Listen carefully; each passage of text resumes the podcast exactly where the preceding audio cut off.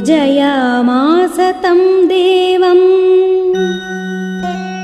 पाद्यार्घ्यासनवन्दनै प्रणम्य विधिवच्चैनम् पृष्ट्वा नाम्